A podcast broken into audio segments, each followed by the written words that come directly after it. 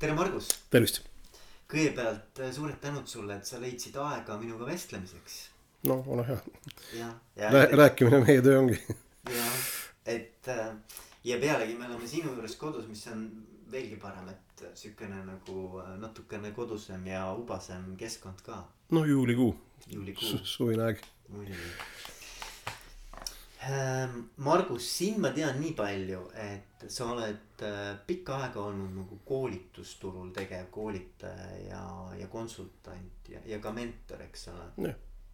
Äh, kui ma ei eksi, siis üle kahekümne aasta oled äh, selles valdkonnas juba toimetanud. ja esimese koolituse viisin läbi üheksakümne viiendal aastal, nii et sellest on juba siis mingisugune. nüüd septembris saabki äkki mingi kakskümmend, mis on kolm aastat siis mm. -hmm et, et päris siukene märkimisväärne karjäär selles valdkonnas. nojah. jah, väga tagasihoidlikult. aga et eh, tahakski sinuga rääkida sellest, et mida sa selle aja jooksul oled nagu täheldanud, sa oled väga paljude kindlasti organisatsioonide ja juhtidega kokku puutunud, ma ei kujuta ette, mitu koolitust või mitu koolitusel osalejat selle aja jooksul sinu käe alt läbi käinud on, aga, aga kindlasti noh, sadu, eks ole noh, tuhandeid, isegi kümneid tuhandeid. isegi kümneid tuhandeid. viiekümne tuhande peal läks lugemine segamini. okei, okei, no et ühesõnaga, et väga-väga, väga suur kogemuste pagas, eks ju. ja ma tahakski nagu selles mõttes rääkida, et, et äh, mis on need võib-olla sellised äh, eh, tarkuseterad või, või, või mõtted, mis nagu kõrva taha panna ja mida teised saaksid ka äh, nagu läbi mõelda ja millest saaksid õppida ja minu selline esimene küsimus, mis mulle meeldib alati nagu avada vestlus on see, et, et Margus, ütle, et mille eest juhile palka makstakse? mis sinu hinnangul on see, mille eest äh, juhile palka makstakse? no vot meie ametis äh, üks osa ongi üldistamine, aga teisalt ei, vot sellistele küsimustele vastates äh, peaks mõtlema, et millisest juhist me räägime, et kas me räägime avalikust sektorist, kas me räägime erasektorist, kolmandast sektorist. ütleme tippjuht ärisektoris. okei okay., eh, no ma olen kokku puutunud hästi palju erinevat tüüpi organisatsioonidega, seal suuremate, väiksematega, rahvusvahelistega, kohalikega, mingite suurte kontsernidega, seal väikeste ettevõtetega. ja seal mulle tundub, on üsna erinev see, mille eest juhile palka makstakse et sihuke õpikutarkus ütleb, et nagu tulemuste eest. aga ma olen avastanud, et õige sageli tegelikult äh, ei maksta isegi mitte tulemuste eest, vaid äh, kas siis omaniku või, või omanike grupi mõtteviisi katsetamise, noh, elluviimise eest. ja isegi mõnikord on olnud tarvis näidata selle mõtteviisi, kas seal puudusi või seal potentsiaalseid ebaõnnestumise tegureid siis äh, päris mitmel korral äh, tegelikult on öeldud, et äh, vahet ei ole, et me tahame lihtsalt katsetada. et ka selliseid nii-öelda suhtumisi on. aga jah, kui me vaatame suuremaid ettevõtmisi, suuremaid kontserne näiteks, siis seal muidugi jah, numbritest üle ega ümber ei saa. -hmm et enamasti on küsimus, kas seal aktsia hinna kujunemine ajas siis juhi tegevuse tulemusena või, või siis konkreetne käibe või kasuminumber. aga kui hakata nagu mõtlema laiemalt, et äh, mis see juhi töö on, siis äh, õige sageli ta on ju tegelikult inimeste programmeerimine ehk nende mõtteviiside ühtlustamine või, või tegevusmeetodite, mudelite äh, ühtlustamine, et öeldakse küll, et erinevus rikastab, aga ainult nii kaua, kuni oleks tarvis mingi mudeli järgi hakata siis ärikeskkonnas tegutsema. sel hetkel sul peavad olema inimestel noh, suhteliselt sarnased nagu tegevusmudelid nii et ka sellise asja eest tõenäoliselt, ähm, võib-olla seda ei osata isegi välja nagu ütelda või noh, nii-öelda. aga jah, et kuidas programmeerida inimesi käituma teatud viisil. aga ma arvan, et see on kõige keerulisem. absoluutselt. et, et tegelikkuses nagu noh, jah, et ma, ma olen nagu selles mõttes nõus, et, et, et see inimese käitumine lõppude lõpuks, see nii-öelda esmatasandi töötaja käitumine ongi see, mis lõpuks selle tulemuse toob või ei too. jah, sageli ainus sissetulekuallikas ongi ju see spetsialist, frontline'i töötaja, kes seal kliendiga kokku puutub ju. just, aga, aga noh, selle, selle mõjutamine, no ilmselgelt on see ka mm. sinu nii-öelda äh, leib, et noh, et aitad no. siis juhtidel tegelikult seda, seda käitumist kujundada, et, et see on minu arust nagu täiesti kõige-kõige keerulisem, et need numbrite kokkulugemine, see on ju kõige lihtsam tegelikult, aga just, et kuidas sa Mhm. inimeste käitumist mõjutad. et aga võib-olla siit ongi hea siis hakata nagu kerima, et, et räägi, Margus, et mis see sinu nagu siukene nagu leivakompetents on, mis see sinu leivanumber on, et ku- kuidas sina nagu aitad juhte.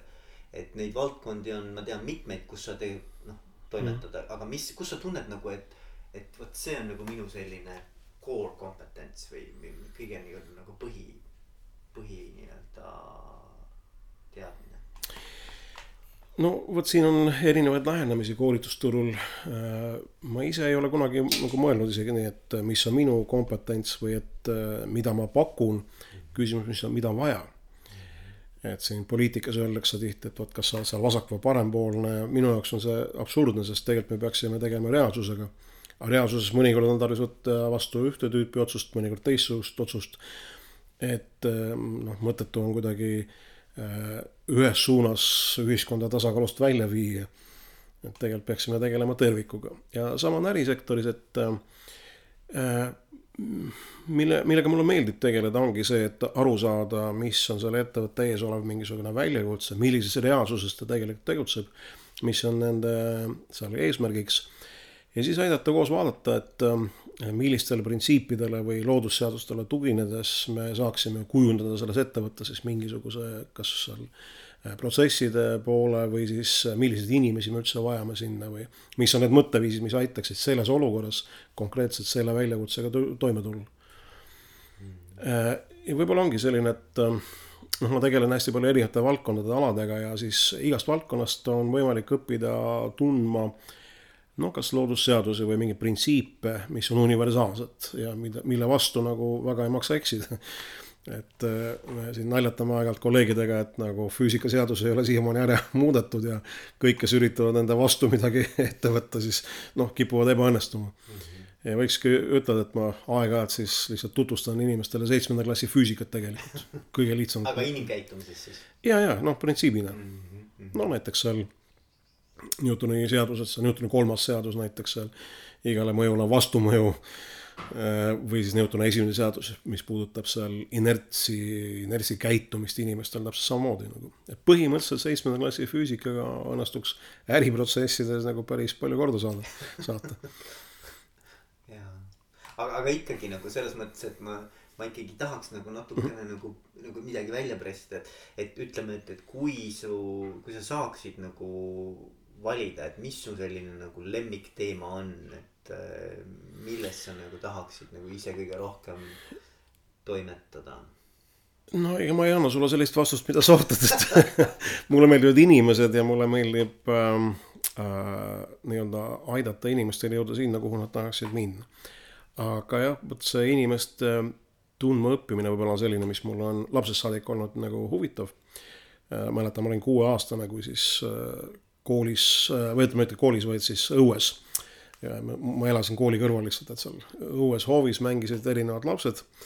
ja erinevates olukordades erinevad minu seal mängukaaslased käitusid nii erinevalt, et mul väga selgelt on meeles, et kuueaastaselt just mõtlesin, et huvitav, et miks ühes situatsioonis keegi seal on viisakas ja korrektne, aga teine inimene samas situatsioonis võtab seal, ma ei tea, mingi eseme ja taob teisele pähe ja karjub koledaid sõnu ja et see nagu pani mõtlema, et, et miks inimesed nii käituvad. Ja vot see töö on seotud ka mul paljuski inimeste käitumismustrite lahti mõtestamise ja ja vot kuidas neid siis organisatsioonis kombineerida ja kokku panna selleks, et jällegi äriliste väljakutsetega toime tulla. Ja ma olen õppinud ka veel ühe vene koolkonna juures sellist psühhoteraapiat veel.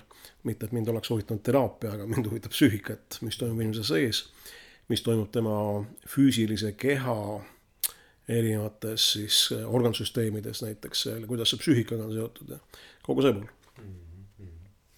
okei, aga siis, kui ma küsin niimoodi, et ähm, sinu nende aastatepikkuse kogemuse põhjal, et mis on juhtide juures olnud see valdkond, mis kõige rohkem on nagu selline nagu arenguvajadus või, või, või arengut nõudev mm. -hmm. mis on see nii-öelda, mida, mis sa oled tähele pannud, et nad, et on, on juhtidel nii-öelda vajab toetust?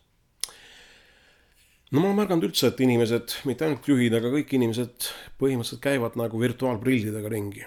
ehk me näeme keskkonnas neid asju, mida meile sinna ekraanile kuvatakse või mida me tahame ise näha. Kõik see, mis jääb sealt ekraani pealt välja, me ei suuda sellega arvestada. nagu tekib selline noh, nagu pimedus noh, paljude asjade suhtes. ja mulle tundub, et see ongi üks ka juhtide kõige suurem selline väljakutse, probleem. ehk me ei näe tervikut me näeme fragmente, neid fragmente, mida me ise tahame näha, mida me oleme ise kunagi kogenud. Äh, sattudes uude olukorda, tegelikult ükski varasem olukord kunagi sada protsenti ei kordu. alati igas olukorras on mingid uued komponendid, uued elemendid, mis muudab selle olukorra noh, nagu iseloomu. ja hästi palju või sagedasti ma näen, et juhid tegelikult ei taha näha tegelikkust vaid näevad mingit kontseptsiooni, proovivad oma mingit mõtet, mis seal virtuaalprillide ekraani peal kuskil särab neil, seda ellu viia, nägemata, kas see sobitub antud keskkonda, antud olukorda, antud reaalsusesse mm. -hmm. kas, kas on, no muidugi väga raske näidet tuua, aga kui mm. sa pead, peaksid tooma mõne näite näiteks, et, et kuidas sa oled seda täheldanud, ilma nimedeta loomulikult mm, -hmm. aga noh, lihtsalt, et noh, mingi, mingi näide no need näited ausalt on nii, nii igapäevased, äh, noh, kasvõi see, et kuidas kedagi tööle võtta, et me seal paljud juhid tahavad näha, vot äh, mingi inimene, kes neid ennast meenutab, äh, omistavad sellele inimesele enda arvates mingeid omadusi, mida sellel inimesel tegelikult ei ole. ja päris sageli ma pean ütlema koolitusel ka ebapopulaarsed sõnad, et ärge kunagi ülehinnake inimesi, ehk ärge oodake neilt seda, milleks nad tegelikult suutelised ei ole. aga vot meil tekivad mingid sellised ootused kellegi suhtes, see on nagu hästi igapäevane ja noh, rääkimata siis mingite strateegiate kujundamises, hästi tüüpiline on see, et keegi loeb läbi mõne juhtimisraamatu ja siis äh, märkamata seda, millises keskkonnas ta ise töötab, äh, ma ei tea, seal Jack Welch või seal noh, niisugused tuntud nagu juhte, nende mingis praktikaid üritavad siis nagu igapäevaelus ellu viia. aga noh, nende teiste inimeste nii-öelda kogemus on teisest ajast, teisest kohast, teisest situatsioonist, teistest inimestest pärit et neid asju ei ole võimalik integreerida otseselt, vaid jaa, kindlasti saab inspiratsiooni sealt ammutada. aga need on nii sellised, noh, ma ütlen, need näited on lihtsalt igapäevased, et äh, isegi sellist markantset näidet äh, ma ei oska sulle välja võib-olla pakkuda, aga. ei, ma saan aru jah, mis sa mõtled mm. -hmm. aga, aga ütle, et kuidas siis oleks võimalik juhil natukene ennast kõrvalt näha või, või, või tulla ja vaadata seda pilti natukene võib-olla siis äh, terviklikumalt, et mis sinule, no kuidas, kuidas aidata juhte või kuidas, kuidas sina oled aidanud juhte? no aga selleks ju koolitajad, konsultandid ongi, eks ole, et, et me, ega meil kõigil on seesama, nimetame siis selliseks nagu pimetähniks või et on mingeid asju, mida me ei näe ise või mida me ei taha näha. ja alati on hea, kui keegi kõrvalt sulle näpuga näitab, et näed, et siin selles reaalsuses eksisteerib veel selline mõju näiteks või selline seal subjekt või mingisugune tegija, kes sinu äri võib mõjutada ja eks ta ongi vist nii, et, et mu töö on suures osas ka selline helikopterijuhi töö, et ma viin selle kliendi orbiidi peale, näitan talle asju, mis tema ümber reaalsuses on.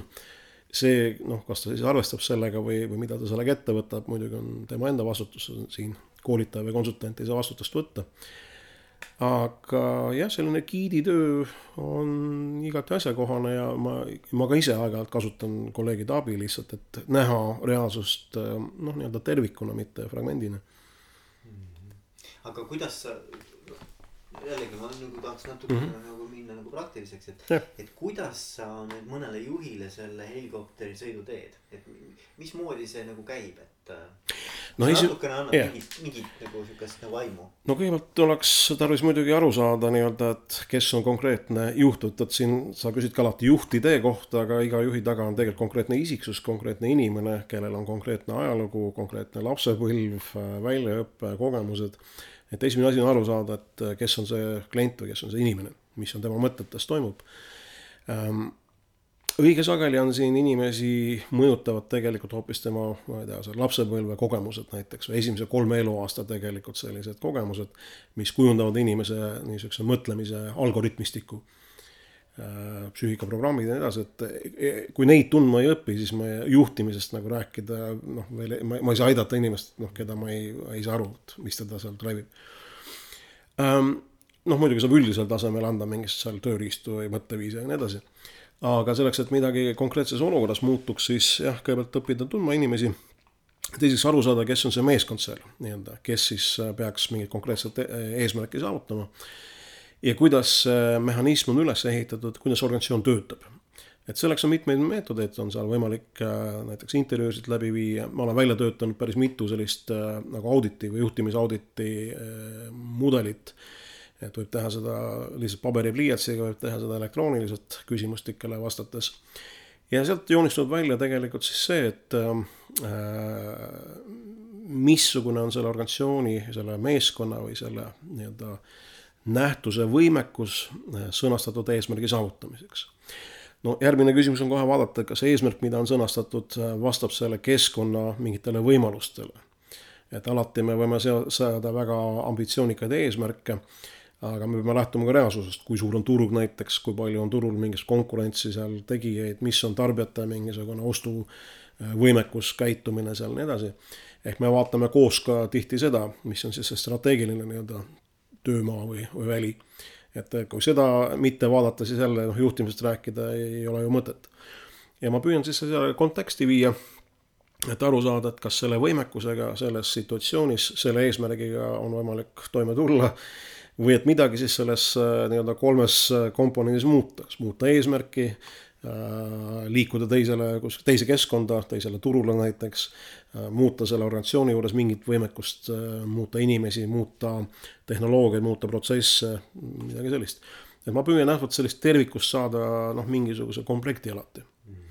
Kusjuures alati ei, ei, ei tellita sellist tööd jällegi muidugi, et hea meelega nagu aitaks klienti just nimelt mingi konkreetses olukorras konkreetse tulemuseni. aga see sageli ostetakse lihtsalt, ma ei tea, et tule koolita meie meeskonda see on ka muidu huvitav asi, et äh, ma arvan, kuskil üheksakümmend protsentidest, äh, üheksakümnel protsendil juhtudest, äh, kui küsitakse abi meeskonna koolitamisel, on probleemiks tegelikult juhtimisvead. ehk siis noh, tihti küsitakse, et okei okay,, tule õpetaja meie inimesi seal koostööd tegema ja siis ma alati küsin ka, et okei okay,, et aga kõrgharitud inimesed näiteks seal mõnes meeskonnas. okei okay,, võtame, võtame lasteaia lapsed teevad suurepärast koostööd, keegi ei ole neid õpetanud, nad ei ole koolis käinud. vähe sellest, võtame, võtame loomad, võtame seal, ma ei tea, mingisugused äh, primaadid, vot nad koolis ei käi, aga koostöö on suurepärane, lähme seal allapoole, koerad, kassid, no ei ole mingit probleemi. ja nüüd äkki kõrgharitud inimesi on tarvis õpetada koostööd tegema. ja kui sügavalt hakata vaatama seda situatsiooni, siis enamasti seal taga on mingisugune juhtimis, kas otsus äh, või juhi käitumine, mis loob takistused koostööks. kui see juht kõrvaldada, siis koostöö läheb kenasti käima muidugi. et sageli jah, me peame lahendama küsimusi, kuidas juht ei segaks koostöö tegemist või tulemuste saavutamist. ja, ja, ja, ja noh, ja, ja võib-olla mõnikord on ka see, et on mingisugused teemad, mis on jäetudki lahendamata nagu näiteks meeskonnaliikmete vahel, mis, mis on ka juhtimisprobleem tegelikult. ja suurte probleemidega, sest need on ka juhtimisobjekt tegelikult mm. -hmm. ja, ja aga Margus, räägi, mis on need sellised nagu käitumismustrid, mida sa mm. oled näinud edukate juhtide puhul, et äh, mis on nagu toiminud ja mis, mis sa oled nagu endale kuidagi, sul on silma jäänud mm, -hmm. et, et kas on mingisugused sellised äh, konkreetsed nagu tegevused või, või, või praktikad, mida siis need juhid on äh, hästi teinud? ja, ma alustaks hoopis sellest, et võib-olla ütlen, et kõik juhid teevad vigu, see on nagu selge. et minu käest tihti küsitakse, et äh, too näiteid ideaalsetest organisatsioonidest, ideaalsetest juhtidest, ma, ei saa neid tuua, sest äh, ei ole olemas on olemas juhte, kes suudavad mingis keskkonnas, mingis olukorras paremini tulemusi saavutada oma meeskonnaga ja juhte muidugi, kes on selles mitte nii andekad. ja mulle tundub ka, et küsimus ei ole enamasti üldse mitte mingitest tegevustest või, või meetoditest, vaid sageli on küsimus hoopis juhi isiksuse mõjus. Mm.. et äh, ma olen märganud, et äh, need organisatsioonid, kus saavutatakse edu kiiremini äh,, juhi ametis on keegi, kes suudab inspireerida, lasta inimestel olla nemad ise äh, kus töö on pigem mänguline, ehk ei rõhuta nii-öelda niivõrd äh,, ei pressita välja tulemusi, vaid tehakse fun'iga tööd, eks ole, mõnusalt niimoodi äh,. tehakse eri äh,, vot selliseid erilisi asju, et inimesed tunnevad uhkust selle üle. ja muidugi äh, vot, kes suudavad kommunikeerida kenasti. ehk üks põhiline asi on see, et mida ma kõrvalt olen näinud, et juhi peas on olemas numbrid, mingid eesmärgid, töötajad neid ei tea ja juht on närviline, sest numbrid ei tule välja ja siis kõik saavad seal äh, nii-öelda vatti ja vilet, aga, aga keegi ei saa aru, et noh, miks või et kuhu tuleks minna ja mis see õige tegevus on. et vot pigem vot siuksed isiksuse omadused mulle tundub, on see, mis on nagu võti heade tulemusteni kas see on nagu siis nagu, nagu kui ma püüan peegeldada seda, mida ma kuulan mm., et kas see on õige, et sa, sa tahad öelda nagu siis, et, et juhi isiksusel on suur mõju sellele nagu missugune on see selline üldine atmosfäär, keskkond ja et kas see soosib siis pigem inimeste sellist noh, nagu panust ja, ja inimeste avanemist või, või pigem inimesed mm. on nagu kaitses ja, ja mm. hoiavad nagu kinni. just, ma arvan, et see on äkki tõesti mingisugune kaheksakümmend, üheksakümmend protsenti organisatsioonide nii-öelda edukusest tuleneb just nimelt sellest samast asjast, juhi isiksusest, tema seisundist. ka energiatasemest, eks ole, et noh, see, see kõik, no see mõte võib-olla seal taga, mis mulle endale ka hästi sümpatiseerib mm., on see, et see on nagu nakkav. jah, muidugi. et, et, et see on nagu, et olenevalt sellest sellisest dominantsest emotsionaalsest seisundist mm. ja noh, isiksus on mm. suur osa sellest. Et see siis nii-öelda nagu tegelikult mõnes mõttes nagu hakkab siis kogu organisatsioonis levima? ta loob välja, absoluutselt emotsionaalse välja. Ja selles väljas tegutsedes inimesed tunnevad ennast hästi ja teevadki head tööd, häid tulemusi. aga nagu sa ütlesid ka, vaata, et juhi isiksuse mõju võib olla ka halvav. Yeah.. ehk ta tuleb tööle ja see tähendab seda, et inimese organismis käivituvad kõik kaitsefunktsioonid seal ellujäämisinstinkt ja igasugused muud seal psüühikaprogrammid, mis tähendab seda, et tegelikult see inimene ei ole tööks suuteline ta ei suuda tulemusi saavutada, ta püüab ellu jääda. ja noh, hästi palju on muidugi juhtide hulgas ka sellist nähtust, mida nimetatakse sotsiopaatiaks, mis lihtsalt hävitab inimese töövõime. ja siin on jällegi sihuke mitmetahuline moment, et ülevalt vaadates, omanike poolt vaadates mingi väga enesekindel selline sotsiopaatiline isiksus tundub nagu olevat hea kandidaat oma vara kontrollimiseks, kaitsmiseks. aga noh, kui me vaatame ka inimest kui vara, töötajaid kui vara, siis see on nagu hävitav mm. -hmm aga see on jah huvitav, et, et kui sa, ma arvan, et väga palju räägib ka see, et mismoodi näevad välja näiteks eh, koosolekud, kas siis juhi eh, kohalolekul või juhil eemalolekul, et no, kui seal on suur vahe, et noh, siis mm, -hmm. siis nagu on noh, tekib nagu küsimärke, et, et missugune see mõju mm -hmm. on, eks ole. mul üks äh, hea selline äh, noh, kuidas öelda, tuttav organisatsioon, kus lühikese aja vältel vahetus kolm juhti Äh, esimese juhi ajal saavutati noh, enam-vähem normaalseid tulemusi. Äh, juht vahetus ja tulemused läksid alla. Äh, omakorda aasta-pooleteise pärast vahetus jälle juht ja kolmanda juhi ajal tulemused läksid nagu kõrgustesse. Ja ma just intervjueerisin inimesi, küsisin, et noh, mis siis juhtus nagu ja tuli sihuke huvitav moment välja, et äh, see viimane juht äh, ei sekkunud inimeste töösse, laskis inimestel töötada ja, ja oli kõik, noh muidugi eesmärgid sõnastati ja nii edasi. aga see vahepealne juht lihtsalt elas seljas kõikidel äh, nagu halvas mõttes ja, ja loomulikult sealt tulemusi ei tule. tema ise võib-olla, noh, ma praegu kujutan ette mm, -hmm. et et juhib nagu väga. täpselt nii, täpselt nii. parimat, loomulikult tahtis ju parimat. et, et ma seda usun küll, et iga juht tegelikult tahab parimat, lihtsalt küsimus on, kas ta oskab, eks ole. absoluutselt ja kas ta suudab kanda sellesse olukorda sobivad mõtteviisid võtta organisatsiooni nagu mm. -hmm. ja noh, hästi palju on jah sellist noh, see kõlab nagu siukse psühholoogi jutt, ma tegelikult ei ole psühholoog, ma olen baashariduses pedagoog, aga lihtsalt nagu terve elu vaadanud inimeste äh, sisse et hästi palju juhtide hulgas jah, on sellist nagu enda probleemide lahendamise püüdmist või kompensatsioonimehhanisme, mis tegelikult teiste inimeste jaoks mõjub pärssivalt. ja kõik ülejäänud sellised äh, oskused juhtida seal, tehnilised oskused ja seal äh, no mis iganes seal planeerimise oskused ja nii edasi, et mulle tundub, see on selline suhteliselt väike protsent tegelikust mõjust. edust. jah, jah.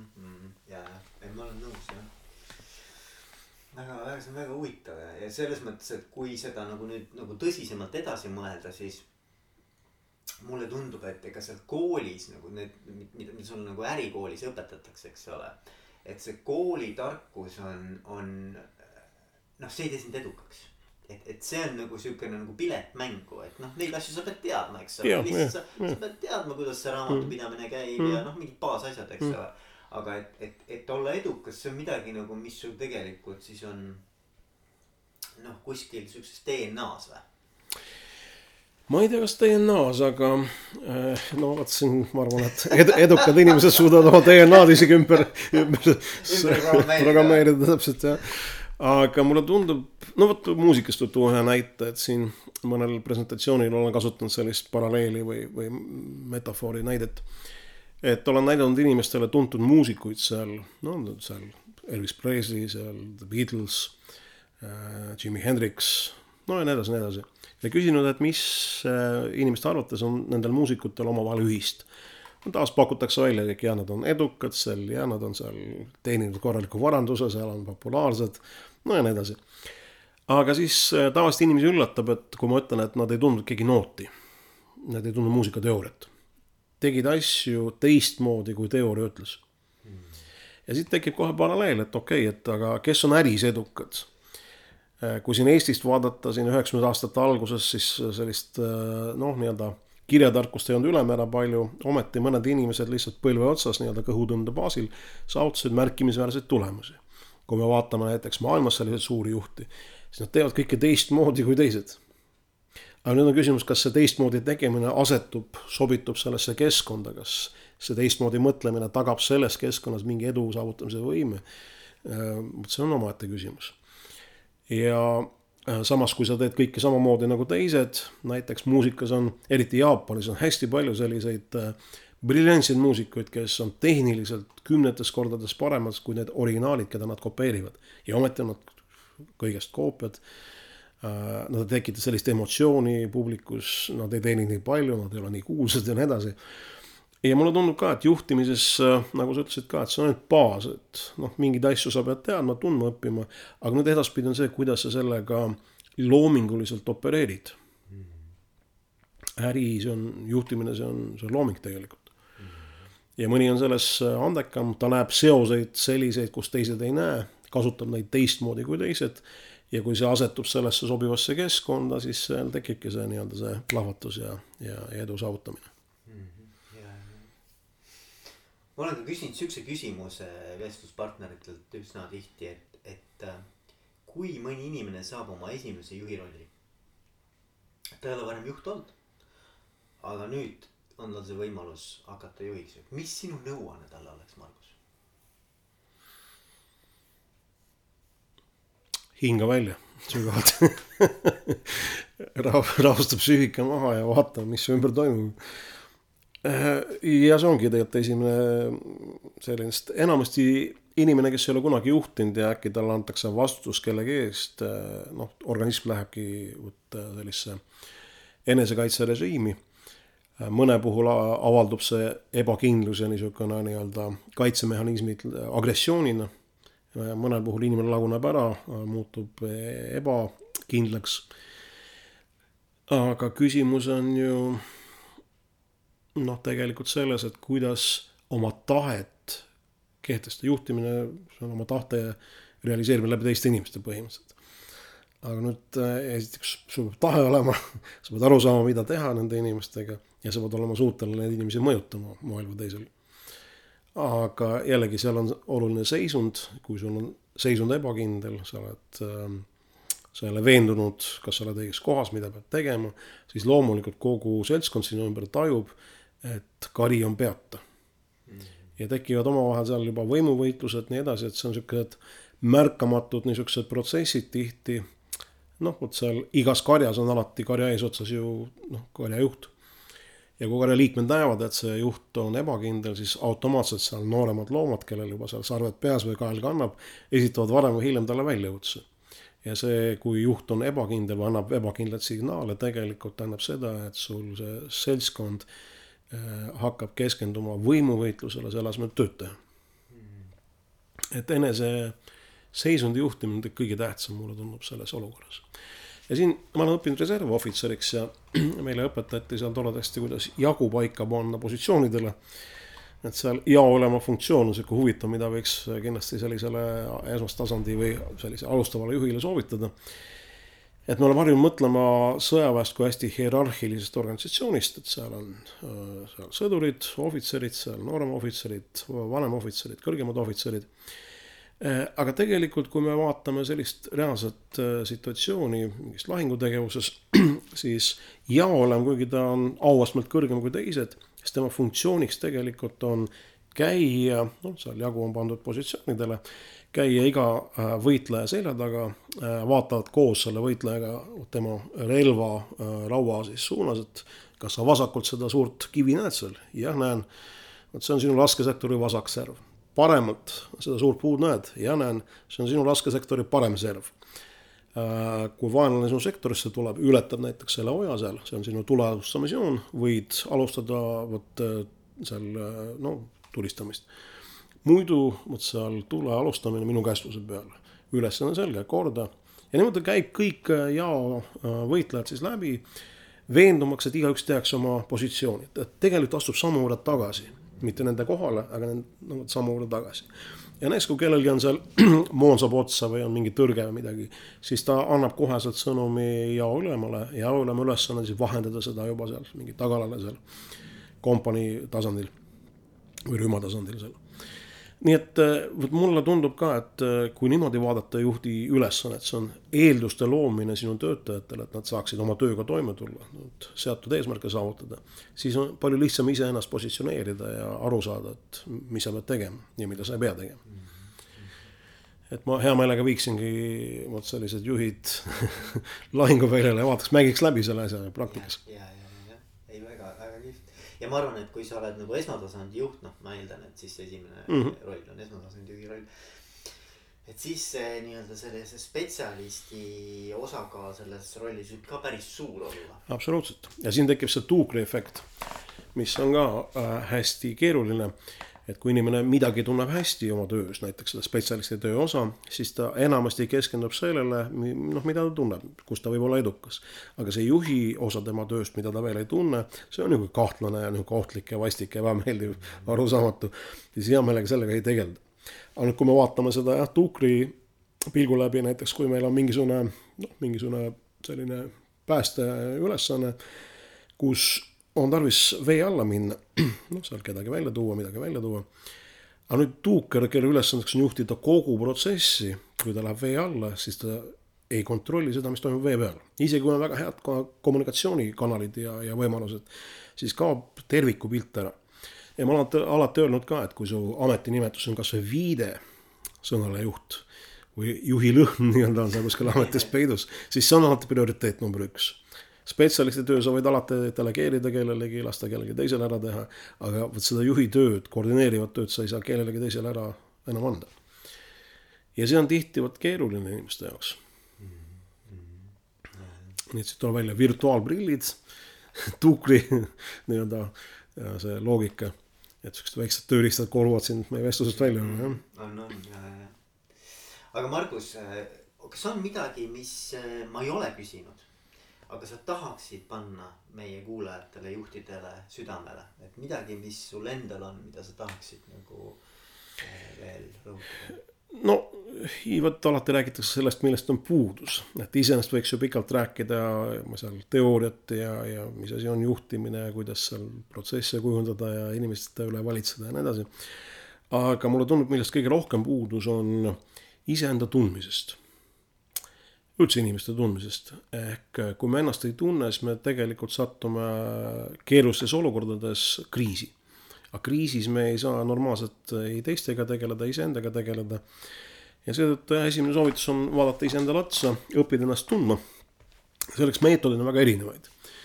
et äh, millegipärast inimesed ei kasuta väga sellist nagu sisevaatlust või analüüsi. ehk äh, inimesed kardavad siht, tihti nagu iseendasse vaadata ja mul koolitusel keegi on öelnud kunagi, et isegi tualettruumi minnakse noh, ma ei tea, kas seal nutiseadme või mingi ajalehega, et mitte iseendaga olla üksinda, et see on tavaliselt hirmutav. no ja mõnikord ka häda käes siis pöördutakse mingisuguse, kas psühholoogi poole või mingi terapeudi poole.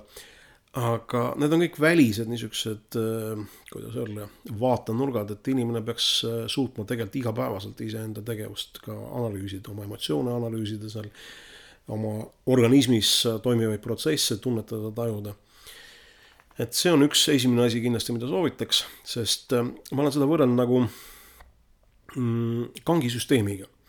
et kui sul on äh, isiksuse kese või see, millelt sa noh, platvorm, millelt sa tegutsed, on äh, sinust kaugel väljaspool, näiteks sinu ametist tulenevalt või rollist tulenevalt, positsioonist tulenevalt või ka suhetest seal, ma ei tea, erakonnast tulenevalt, siis seal mm, see ähm, nii-öelda äh, kangi see jõuõlg on nii väike, et seda on nii lihtne seda vundamenti sult alt ära viia. ja kui sult võetakse ära positsioon, kes sa siis oled, mis on siis sinu mõju? noh, praktiliselt olematu. aga et kui me viime selle toetuspunkti inimese sisse, siis see jõuõlg on nagu väga suur ja vahet ei ole, kas mul on ametit, kas mul on seal suhteid, kas mul on vara või positsiooni.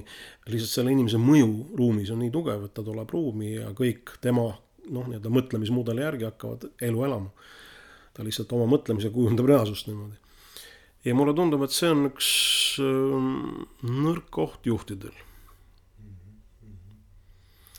no loomulikult äh, tuleb ka teisi inimesi tundma õppida, sest äh, jällegi meil siin kipume väga protsessi juhtima, aga vot me ei kõrvaltvaatusjuhid väga sageli ei saa aru, vot kuidas inimesi panna neid protsesse tegelikkuses ka ellu viima, neid eesmärke saavutama. selleks tuleb inimesi hästi tundma õppida kui juhtimisobjekti. ja alati mõista, mis protsessid leiavad aset gruppides, ehk äh, seda ma olen ka märganud, et tegelikult ka väga kogenud juhid ei suuda sõnastada, mida nad näevad, vot mis toimub gruppides saavad aru küll, et kui inimene on üksinda, siis ta käitub ühtemoodi, kui ta on grupis, käitub teistmoodi, aga nad ei ole seda enda jaoks kuidagi tööriistaks formeerunud, formeerinud. et kindlasti ka see pool jah, et vaadata, aru saada, kuidas grupis vot toimuvad protsessid toimivad.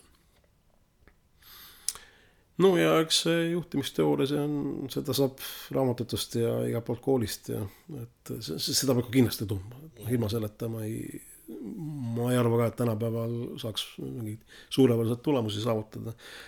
aga see on, see on ainult vahend, see ei ole peamine. kuule, aga aitäh sulle, Margus. jah, aitäh.